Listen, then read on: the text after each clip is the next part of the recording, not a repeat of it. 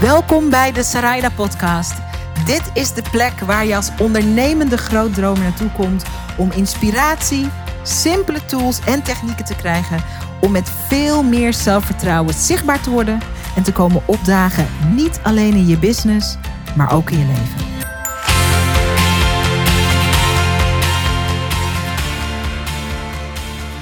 Als je zou weten hoe vaak ik super interessante ondernemers tegenkom die zeggen: Ik zou wel zichtbaar willen zijn, maar in mijn branche of in mijn wereld, daar hoort dat niet. Dan kan dat eigenlijk niet.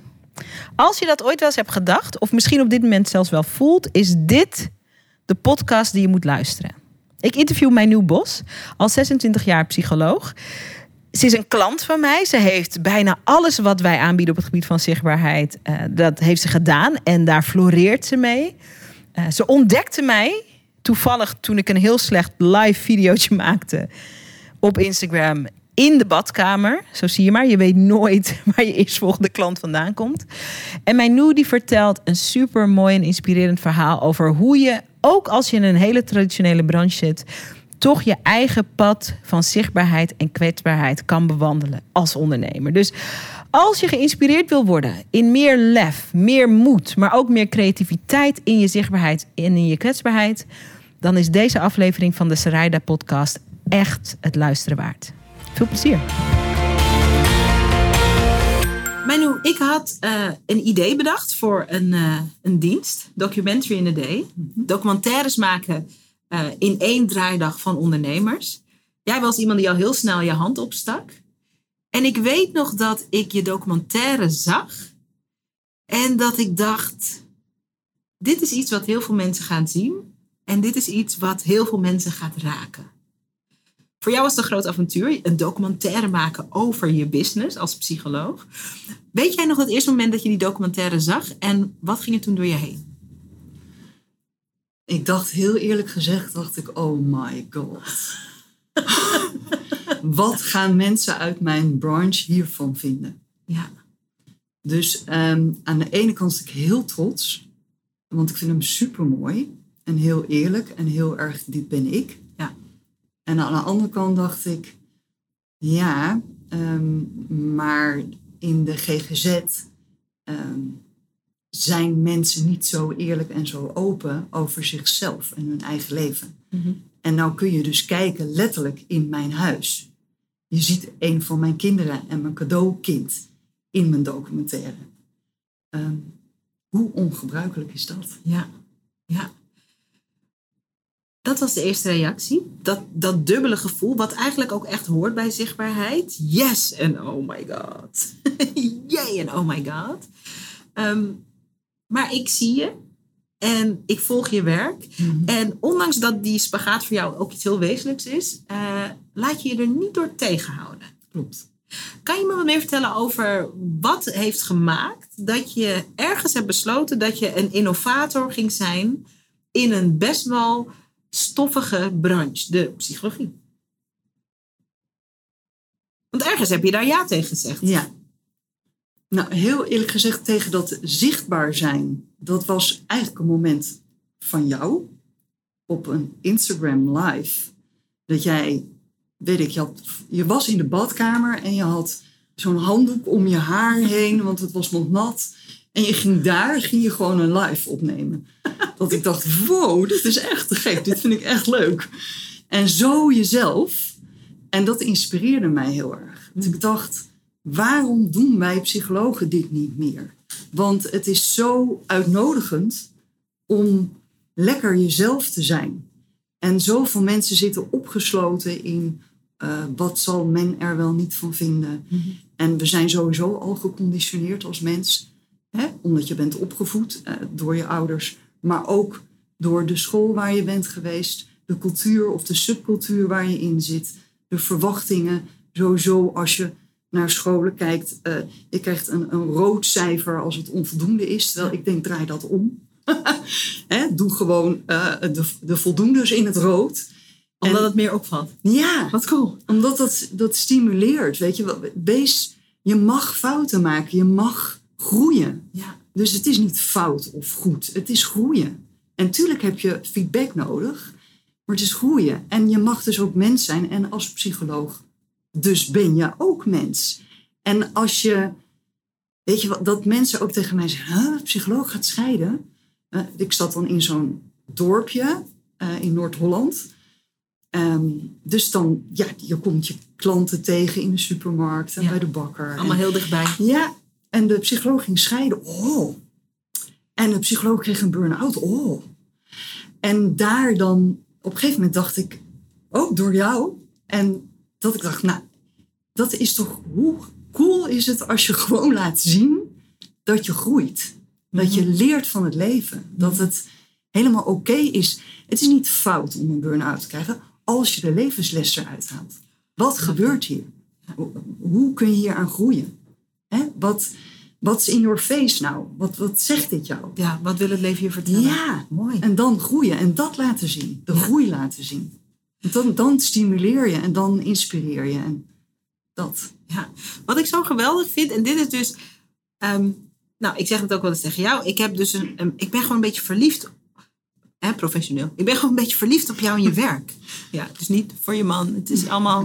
Het is helemaal oké Het is helemaal oké, don't worry.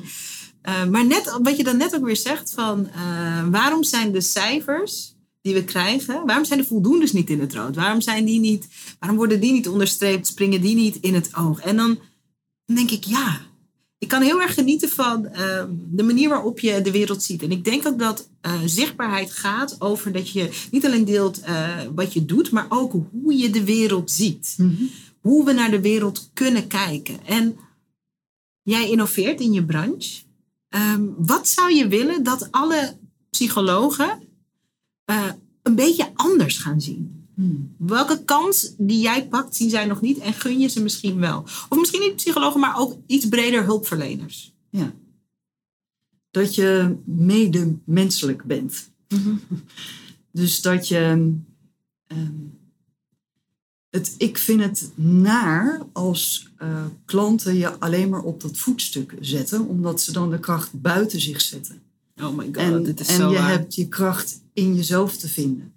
En ik ben slechts een spiegel, een klankbord. Eh, ja, ik ben best confronterend ook. Maar daar kom je voor. We gaan geen zoete broodjes bakken.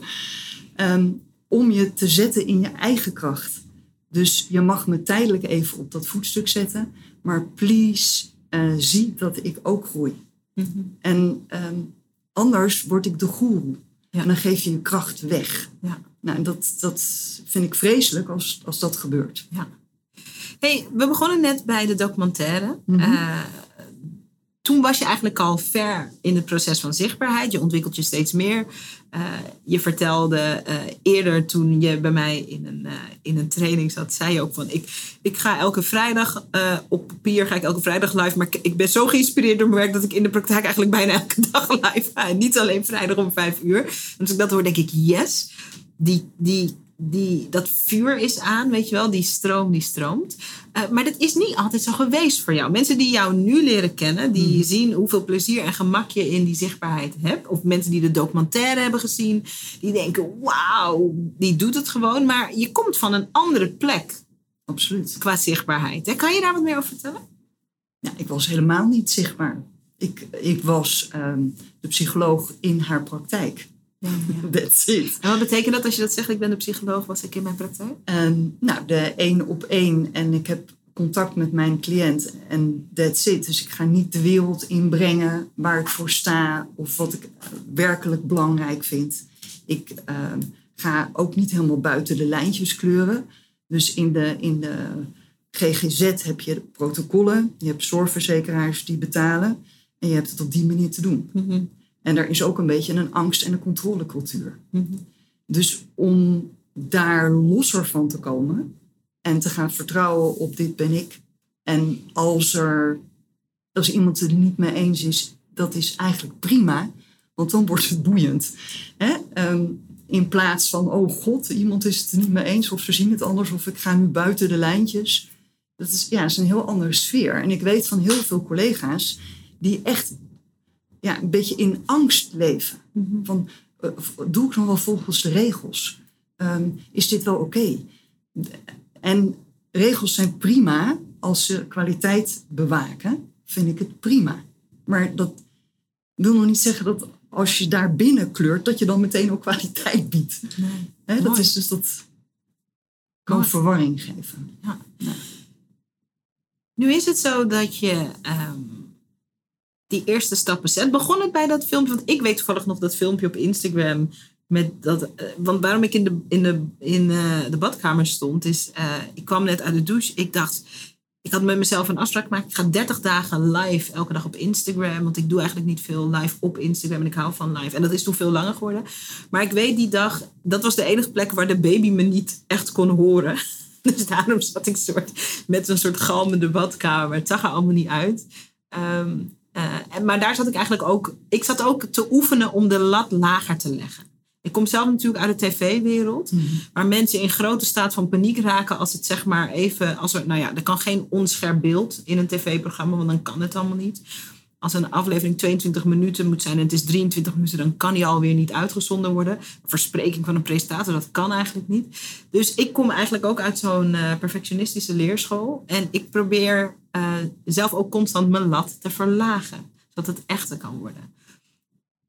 Jij zei, je hebt dat filmpje gezien, dat heeft veel in beweging gebracht. Wat ging er vooraf aan dat filmpje? Want ergens moet je, voordat je dat kon gaan zien en ook kon ontvangen voor wat het was, moest je al een gevoel hebben van ik wil iets anders. Ja, ik liep gewoon echt, ik liep echt vast. Hm. Dus ik weet nog het moment dat ik ehm, op zondagochtend, ik heb inmiddels pubers, maar ook jong volwassen kinderen.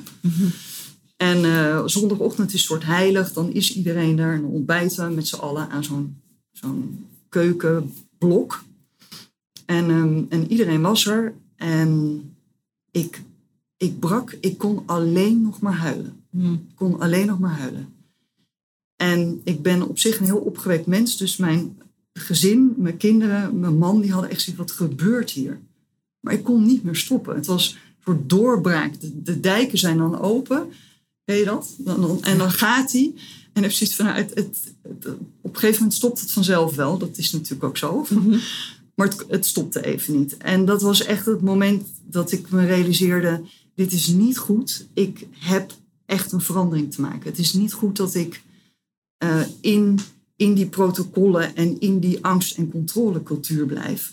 Want ik kan niet leven wie ik, wie ik in wezen ben. En ik kan niet gaan staan voor eh, mijn levenslust. Mijn levenslust is gewoon pleiten. Ging daar het, want Dat wa- vond ik was, zo het, erg. was het verdriet? Was het verdriet over dat? Het was pijn, het was frustratie, het was verdriet, het was een doodlopende weg, het was wanhoop, het was angst, het was alles door elkaar heen. Ook, ook de angst van, eh, oh god, ik, ik raak eh, de bodem Mhm. en eh, ik zal nu wel een stap moeten maken, want ik voel me zo kloten. Ja, wauw. Dus ehm, ja. dat is dan de drive om, dan wordt in feite je verlangen naar iets anders groter dan je angst. Ja. Omdat het gewoon niet meer gaat zo. Ja. En dat is de, de stap dat ik dacht, oké, nu. En daar kwam dan bovenop dat de, de, de vader van mijn kinderen dodelijk ziek werd. Dat ik, dat ik dacht, ja, hé, hey, maar zo wil ik niet. Weet je, dan komt die dood opeens heel dichtbij. Weet je, dat het eindig kan zijn. En dan, dus, maar zo wil ik niet stoppen. Zo wil ik het leven niet stoppen. Dus het is anders. Er was een ontevredenheid en een onvrijheid in het werkstuk. Ja. Terwijl je wel, want ik weet, je hebt altijd veel van je werk gehouden. Ja, Maar ontevredenheid over de vorm. ja, Dan ineens zo'n levensgebeurtenis. Wat ik daar heel goed uit begrijp is, ehm, en wat ik ook hoor als je dat zegt, is ehm, in het eerste jaar dat ik mijn bedrijf begon, eh, overleed mijn vader ook. Ja. Hij werd ziek, Eh, hij kreeg kanker. Ehm, ik wilde toen, want mijn ouders zijn gescheiden, ik wilde heel graag dat hij bij mij in huis kwam wonen, dus dat ik voor hem kon zorgen. Ongelooflijk zwaar is dat, mantelzorg. Dat is het echt. Daar is nog geen goede film over gemaakt, over wat dat is. Of wat er echt gebeurt met een lijf als iemand sterft aan de kanker. Dat is niet wat je in de film ziet. Dat zie je een beetje bleek maken en dat je geen haar hebt. ja, I know. Ik weet ook, toen ik zag wat er met mijn vader gebeurde, dat ik dacht, dit heb ik nog nooit gezien. En dat ik ook boos was op Hollywood en films. Dat ik dacht, wat jullie in de film laten zien is niet de waarheid. In dat proces van zorgen voor hem eh, en hem eh, langzaam zien sterven, langzaam maar ook snel eigenlijk, het, het was maar een paar maanden. Dat bedrijf werd zo, daar werd zo, het wakkert ook, ik weet niet, in de buurt zijn van iemand die uh, misschien gaat sterven of gaat sterven, wekt ook een soort levenshonger op. Absoluut. Dat je denkt, er is gewoon geen effing time to waste. Dat, dat ervaar ik. En dat is wat, wat ik je hoor zeggen. Ja. Absoluut. Dat voelde je. En heel veel liefde. Ja. Dus onwijs, mijn hart ging echt door de pijn breekt je hart als het ware open. dat, dat heb ik echt gevoeld. Dat, uh, dus met dat de pijn eruit kwam, kwam ook de liefde. Van uh, ja, het is de vader van mijn kinderen. En natuurlijk uh, hou ik niet meer van hem als mijn partner, maar er kwam zoveel liefde. Ook, voor, ook voor mijn cliënten, ook voor mijn kinderen, voor het leven. Zoveel levenslust en zoveel um, verlangen om mijn hart ook gewoon lekker open te gooien en te laten zien. En, en iedereen, ik gun ook iedereen de wereld. Dat is gewoon zo. Daar wil ik ook alles voor doen. Ja. Dat, ja. Belangrijk moment. Maar ik weet dat je niet in je bed lag en dat niet de vertaalslag van dit belangrijke, dat je dacht, nou, ik, moet, ik moet gewoon video's maken of ik moet gewoon zichtbaar worden. Dat is niet hoe het zich aandient in je mind.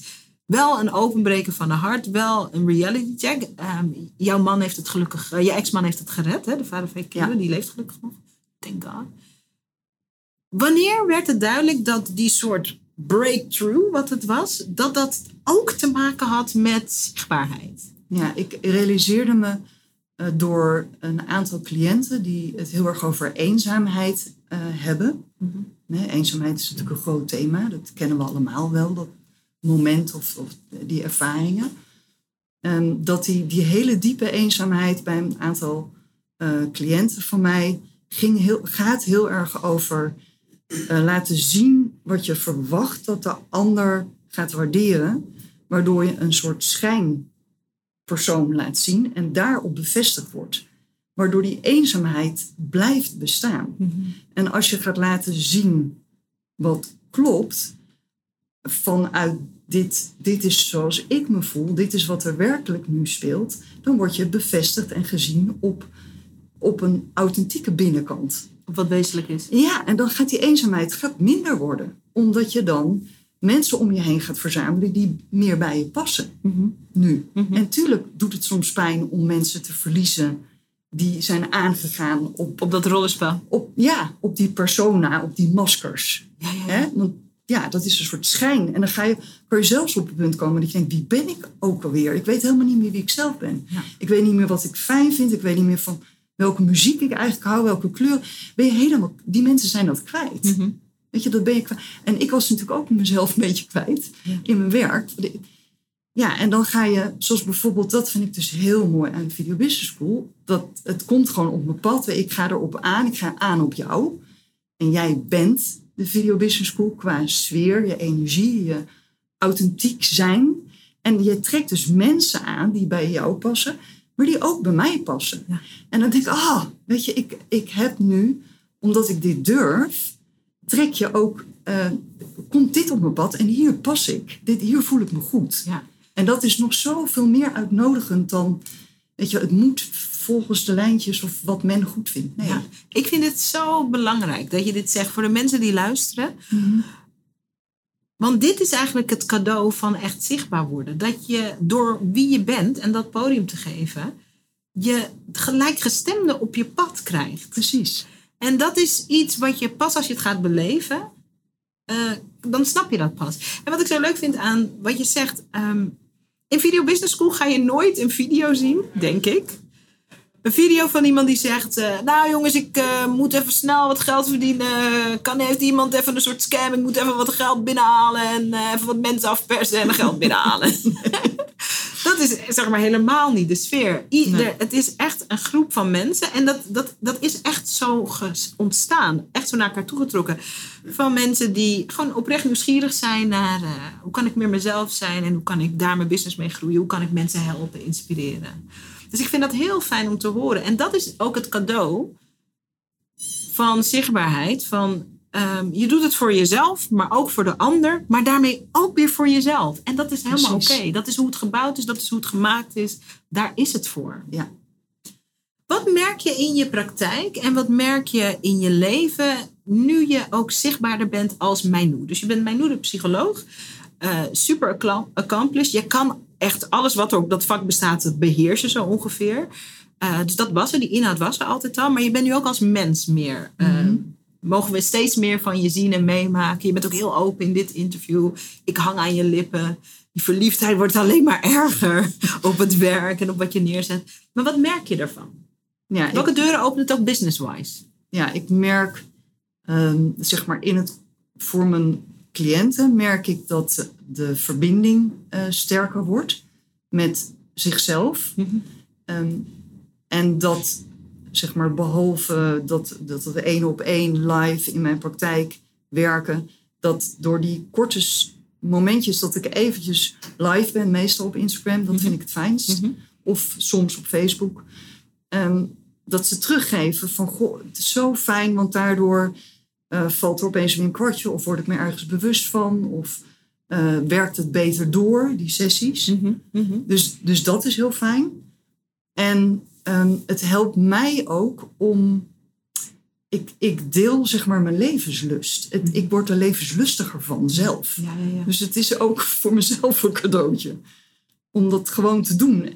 Ja, en ik vind het live het fijnste, omdat je dan, voor mij, hè, een ander heeft dat misschien niet, is helemaal goed. Ieder, Ieder zijn eigen vorm. Ja, tuurlijk. Uh, voor mij vind ik het fijn als ik even dat contact met iemand heb. En door de interactie kom ik juist weer dichter bij mezelf ook. Mm -hmm, mooi. Ja. ja. Als je op dit punt bent geraakt in je zichtbaarheid, ik herken dat heel erg, dat het een bron van energie wordt, dan is de sky the limit. En wat ik ook tof vind aan je verhaal, want die vragen krijg ik wel eens, is van uh, ja, uh, nou jij werkt, uh, je hebt een praktijk, je doet ook online dingen, daar gaan we het zo over hebben. Maar ik heb ook veel ondernemers die zeggen van ja, maar ik werk één op één of ik, ik hoef niet een soort massa te bereiken. En wat, wat zo mooi is aan jouw verhaal is dat het gaat er niet om dat je eindeloos maar meer klanten moet binnenhalen. Maar wat jij omschrijft, dat de zichtbaarheid is voor de bestaande klanten een verrijking. En dat is natuurlijk ook groei. Ja. Als een bestaande klant zich steeds meer en meer en meer thuis voelt, dan is dat ook groei. Absoluut. Dan is dat ook power. Dus het is, gaat niet altijd over dat je een triljard mensen in je online training moet en weet ik veel wat. Het gaat over meer kunnen bieden, meer kunnen geven, meer vertrouwen, meer verbinding. Soms ook met je bestaande klanten. Dus dat is super powerful. Online. Je bent met je praktijk eigenlijk, uh, die praktijk loopt al jaren eigenlijk als een trein. Ja. Je bent ook online bezig. Ja, en online zit je hele toffe dingen neer. Ja, ik, uh, ik heb een. Dus twee jaar geleden dat uh, de vader van mijn kinderen zo ziek werd, had ik dat moment van: hé, hey, um, ik wil een, een eigen methode neerzetten. En dat gaat over zelfbeeld, omdat ik merk dat het beeld wat mensen van zichzelf hebben, dat kan uh, heel negatief zijn. En daarmee creëer je als het ware ook je eigen wereld in de negativiteit, mm helaas. Maar dat mhm. is een self-fulfilling prophecy. Mhm. En je hebt in Janneke taal gezegd... Dat, uh, dat als je, als je bijvoorbeeld uh, vindt dat je echt niet de moeite waard bent... en dat het totaal geen zin heeft, bijvoorbeeld om te zeggen waar je voor staat... dan, dan wordt dat ook zo. Ja, dan ben jij altijd degene op het werk waar iedereen overheen kijkt. Ja. Iedereen die, uh, dat iedereen er maar van uitgaat dat jij het allemaal maar oppakt. Ja, of ik kom altijd het laatst of ze luisteren niet naar mij. Ja, ja, ja. Dus dan, dan ontstaat dat helaas ook. Ja, klopt. Um, dus dat zelfbeeld, dat, daar word je natuurlijk niet mee geboren, dus dat ontstaat. He, zoals ik um, ambivert, uh, een ambiverte aard heb, dat wil zeggen zowel extrovert als introvert. Dus um, ik laat op door contact met anderen. En ik heb het nodig om zo nu dan heel rustig alleen in de stilte of in de natuur te zijn. En um, als je dan, uh, als, je, als je daar niet trouw aan bent, als je denkt van nou ja, uh, iedereen is hier blijkbaar in deze cultuur extrovert, moet ik het ook zijn. Ja, ik moet altijd aanstaan, ik moet altijd dit. Dan gaat het natuurlijk niet goed, hè? Nee, nee. nee. Ik, moet het, ik heb die term nog nooit gehoord. Ambivert? Nee, maar ik denk dat ik het ook ben. Ik denk dat een vriend het misschien ook is. Zelfs met dit nieuwe inzicht zou ik misschien vanavond al een goed gesprek kunnen hebben. Wat misschien een bevrijding is voor ons beiden op een bepaald stukje in onze relatie. Ja, interesting. Top. Mooi. Ja. Wat was je vraag ook alweer?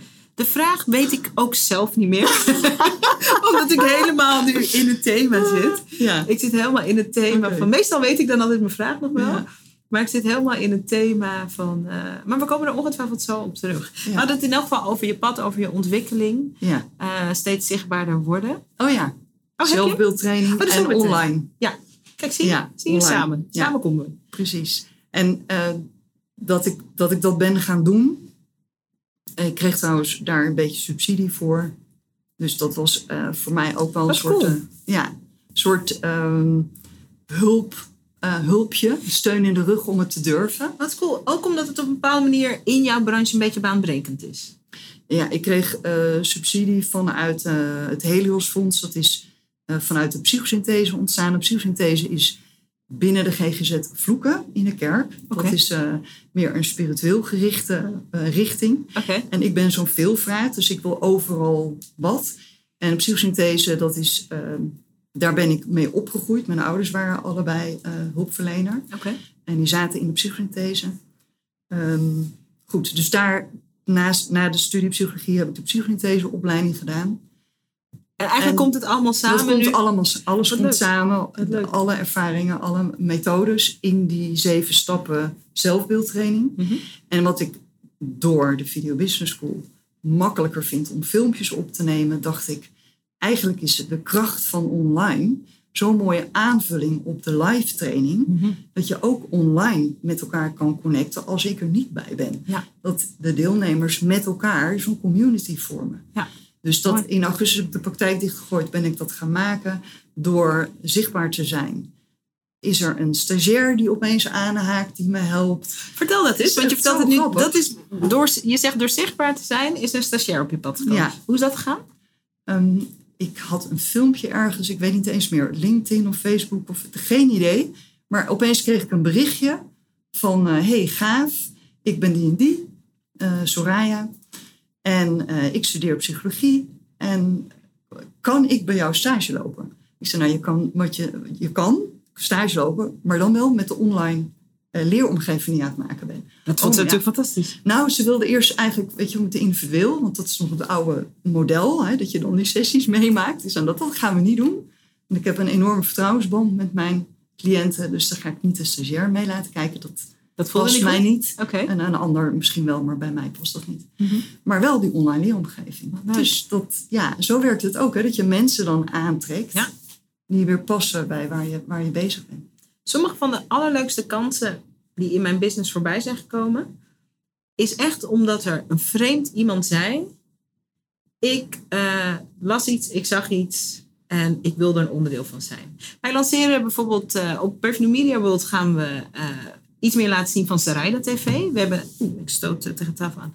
We hebben een nieuwe community die we hebben gebouwd. We kunnen daar straks met onze, met onze mensen heel veel toffe dingen gaan beleven een start-up uit Zwolle die een fantastische technologie heeft ontwikkeld waar ze in Amerika allerlei dingen mee doen en dus in Nederland mijn bedrijf ook op gaan laten draaien. En dat is echt ontstaan omdat ik gewoon de wereld in knalde van later als ik groot ben wil ik net als Oprah mijn eigen tv zenden. En toen kreeg ik een mail terug met waarom niet nu alvast. Wauw. ik ben Kenneth, ik werk bij een start-up. Wij ontwikkelen deze filosofie, wij ontwikkelen een platform. En als je een tv-zender wil, dan kan dat. Top. En toen dacht ik, huh? Omdat ik in mijn hoofd had dat ik daar tien of twaalf jaar naar ging toewerken. En er zit zo'n kracht in gewoon eh, laten zien eh, wie je bent, wat je doet, wat je tof vindt, waar je naartoe wil. En dan komen er mensen op je pad. Voor jou de stagiair, dit is een voorbeeld. Dat is gewoon iets wat je, waar je voor kan gaan Ja. kiezen. Hey, nu zitten er echt mensen te luisteren naar deze podcast die zich herkennen in... ik zit in een branche waarin ik veilige ruimte voel. Mhm. Wat is een eerste stap die je kan zetten? Of ik zit in een branche of ik zit in een wereld waar ik heel veel ongemak voel met te persoonlijk worden, want het gaat niet over mij. Het gaat over de klant, het gaat over de ander. Wat is nou een eerste ding wat je kan doen om je los te gaan maken van de oude denkbeelden of de oude regels van het wereldje waar je in zit? Waar begint het? ik denk, eh, voor mij, dus ik kan niet spreken voor een ander, voor mij was het dat het verlangen groter werd, dan de angst. Het verlangen om ehm, ook mensen te bereiken En de verbinding te maken en mijn vrijheid terug te voelen. Mhm. En mijn eh, zin in mijn vak terug te voelen. Mhm. En vanuit de angst, de angst beperkt en benauwd. Mhm. En eh, liefde en warmte en hartelijkheid verruimt. Ja. Dus het is, als je, je verlangen groter wordt dan je angst, dan ga je, word je dapper. Dat noem ik dapper. Stoer. It. Dan- En dan ga je stapjes nemen. Is daar een levensgrote gebeurtenis? Moet dat eraan vooraf gaan? Of kan je op een dag besluiten, ik maak het verlangen groter dan de angst? En hoe doe je dat? Of is dat iets wat je ingegeven moet worden door iets wat je, nou ja, zo'n levensgebeurtenis. Dus in jouw geval eh, ehm, dat je ex-man ziek werd. Of in mijn geval dat mijn vader stierf. Ja, dat, ook dat is voor iedereen anders, omdat mensen andere aanleg hebben en een andere levenspad. Dus eh, het kan sluipend naar worden. En dat je dan op een gegeven moment merkt van... hé, hey, ik vind het opeens het leven heel saai. Of je wordt somber. Of alles wordt grijs. Ehm, dan hoop ik dat er iemand op je pad komt. Misschien wel via een filmpje op, op YouTube of weet ik waar. Hé, hey, dit kan ook anders. Ik hoef niet te blijven in mijn slachtofferschap. Of in mijn, waar ik nou eenmaal gevoel, beland ben. Ja, ik hoef waar ik niet nou te eenmaal in dit, waar ik nou eenmaal beland ben. Dat je denkt van ja, het is nou eenmaal zo, ik ben nou eenmaal zo, mijn leven is nou eenmaal zo. Ja. Dat, dat is niet zo, dat hoeft niet. En je hoeft niet een, bij mijn geval was het ja, soms door pijn ga je groeien. Hè? Maar het kan ook zijn omdat je je verlangen gewoon groter maakt. Ja. Dat je bijvoorbeeld voor je gaat zien heel levendig hoe het zou kunnen zijn. Ja. Weet je wat ik laatst had? Ik, waar ik nu meteen aan moet denken. Beetje off topic, maar toch wel Mhm. ook dit. En dat is dan toch ook wel weer een filmpje, maar het was op tv. Ehm, ik zag het interview met eh, Cristiano Ronaldo en Piers Morgan. Nou, sinds mijn vader is overleden, kijk ik bijna geen voetbal meer. Want dat hoorde, voetbal hoorde bij hem. En hij keek dat met mijn broertje en daar was ik dan bij. En dat, eh, dat, dat, was, dat was het plezier. Nou, hij is overleden, dus ik kijk bijna geen voetbal meer. Dus ik weet ook allemaal niet wie, hoe het er allemaal voor staat en zo. Maar Cristiano Ronaldo is de bekendste voetballer van de wereld, dus die ken ik dan toevallig. En hij werd geïnterviewd door een interviewer die ik fantastisch vind, Piers Morgan. Fantastisch. En dat ging erover hoe het is om de beste voetballer ter wereld te zijn. En ehm, Cristiano was zo soort zo comfortabel met zijn kwaliteit.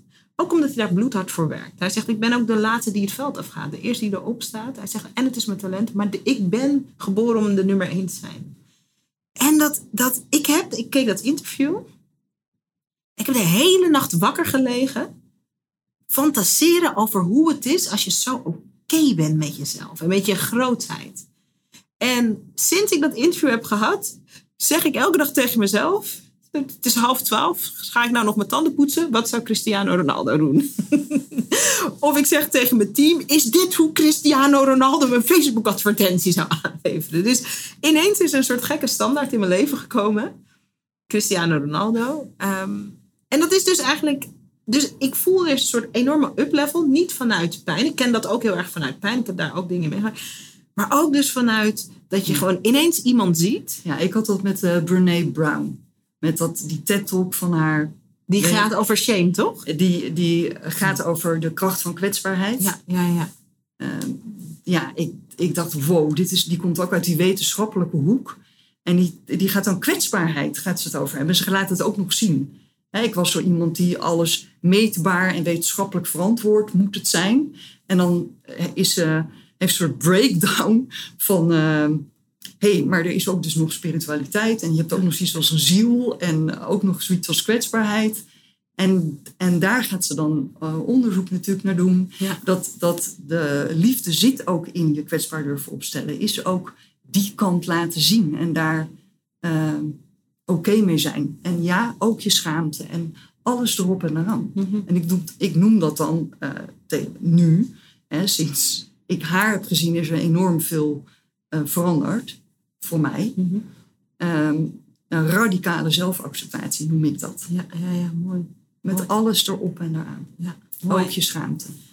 Dit is Ja. zo cool, hè? Christi- Cristiano Ronaldo en Brene Brown weten niet dat wij bestaan. En dat we op dit moment een podcast opnemen waarin we hun werk en wie ze zijn eren. Ja. Precies wat jij omschrijft bij Brene Brown. Ik vind haar werk ook fantastisch. Eh, maar dat was ook bij Cristiano Ronaldo. Hij was en groot, maar hij huilde bijvoorbeeld ook in datzelfde interview over zijn vader die overleden is. En dat hij eigenlijk nooit heeft kunnen zien wat hij van zijn leven heeft gemaakt. Super mooi. En dat is de kracht van. De, de kans is groot dat we die twee mensen misschien niet ontmoeten en niet face-to-face kunnen vertellen, maar ze hebben ons leven op een heel wezenlijke manier beïnvloed. Hè? Dat is wat zichtbaarheid is. Ja. Je beïnvloedt iemand op een wezenlijke manier zonder dat je daar erg in hebt. Gewoon met wie je bent en door op te dagen.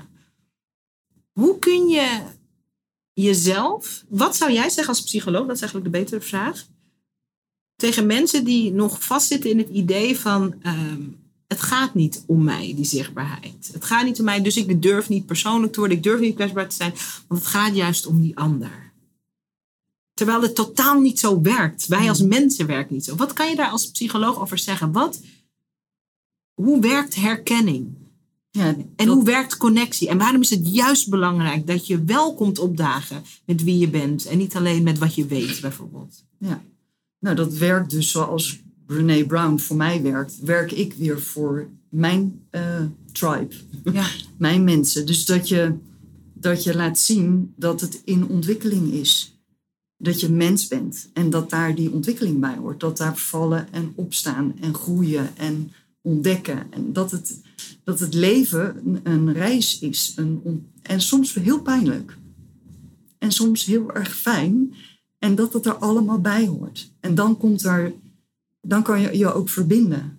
Dan is het, je, in wezen geef je een soort van, joh, ik doe het, oh, ik doe het voor of zo, weet je. Maar dat wil niet zeggen dat cliënten doen dingen ook voor mij voor. Ik leer heel veel van mijn cliënten. Echt onwijs veel. Dus bijvoorbeeld een cliënt die in de bijstand en dan mijzelf wil betalen vanuit de bijstand. Omdat ze zegt, als ik zelf betaal, dan, dan ga ik er ook echt helemaal voor. En dat vind ik zo, dat zijn cadeautjes voor mij. Ja. Wat Dus leer jij is- daarvan?